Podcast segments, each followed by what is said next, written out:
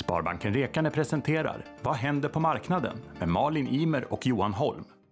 Veckans snackis, fartyget Ever Given i Suezkanalen. Den sitter fast, den har kommit loss, den är loss. Vad tror du?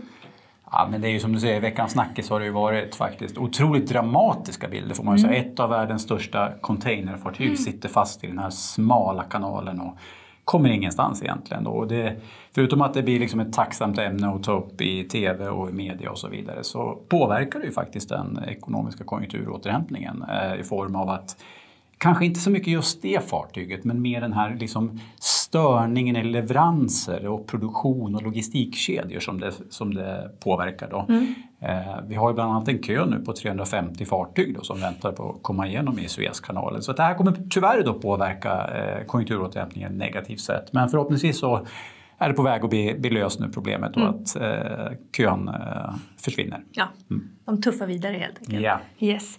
Du, eh, apropå konjunkturen. Förra veckan kom vi in med positiva besked. Ja. Kan du berätta lite om det?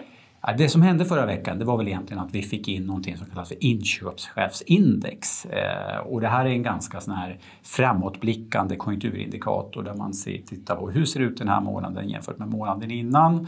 Och så har man en gräns vid 50. Är det över 50 så är det positivt, under 50 så är det negativt. Och det här kom in bland annat för Tyskland på starka 66 i nivå då. Det är faktiskt rekordnivåer och vi så- såg även starka siffror från USA här. Så att det här indikerar då att konjunkturåterhämtningen är på väg åt, åt rätt håll så att säga. Eh, Så att starka siffror där och eh, lite sådana allmänna signaler som, som vi får då överlag kan man säga att konjunkturen är tillbaka, på väg tillbaka. Sen gäller det till då att vi inte får sådana här störningar nu som i Suezkanalen och så vidare och framförallt som vi varit inne så, så många gånger förut då, vaccineringen, att det faktiskt fortgår. Och där ser vi ju bland annat att USA ligger långt fram i vaccineringen så det är positivt för den globala konjunkturen. Bra. Mm. Du, om vi tittar på börsutvecklingen de senaste veckorna Mm. men också lite framåt. Vad, hur kan du kommentera det och vad kan vi förvänta oss? Ja, nu säger du att vi ska titta framåt lite grann så, och då väljer jag att titta bakåt kan man säga så här. Vi nådde ju faktiskt botten nästan exakt för ett år sedan. Jag tror att det var någonstans 21-22 mars så var vi bot- botten på börsutvecklingen och sen har det ju gått extremt bra fram till för några veckor sedan. Sen har vi sett att börsen har planat ut lite grann och, och det det framförallt handlar om då det är kanske att vi ser ett skifte från de här teknikbolagen, tillväxtbolagen och så vidare till mer traditionella bolag då, som till exempel verkstad och banker och lite sånt där.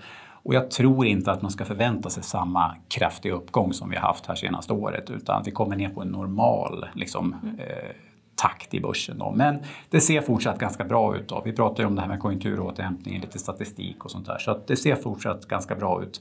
Men man ska nog inte förvänta sig att det fortsätter i samma takt som det har gjort sista året. Det tror jag inte. Okej. Mm. Tack så mycket Johan. Tack Malin! Kom ihåg att lyssna på våran podd. Det här avsnittet handlar om skatter och deklaration. Vad händer på marknaden presenteras av Sparbanken Rekane, en lokal bank i Eskilstuna och Strängnäs kommuner.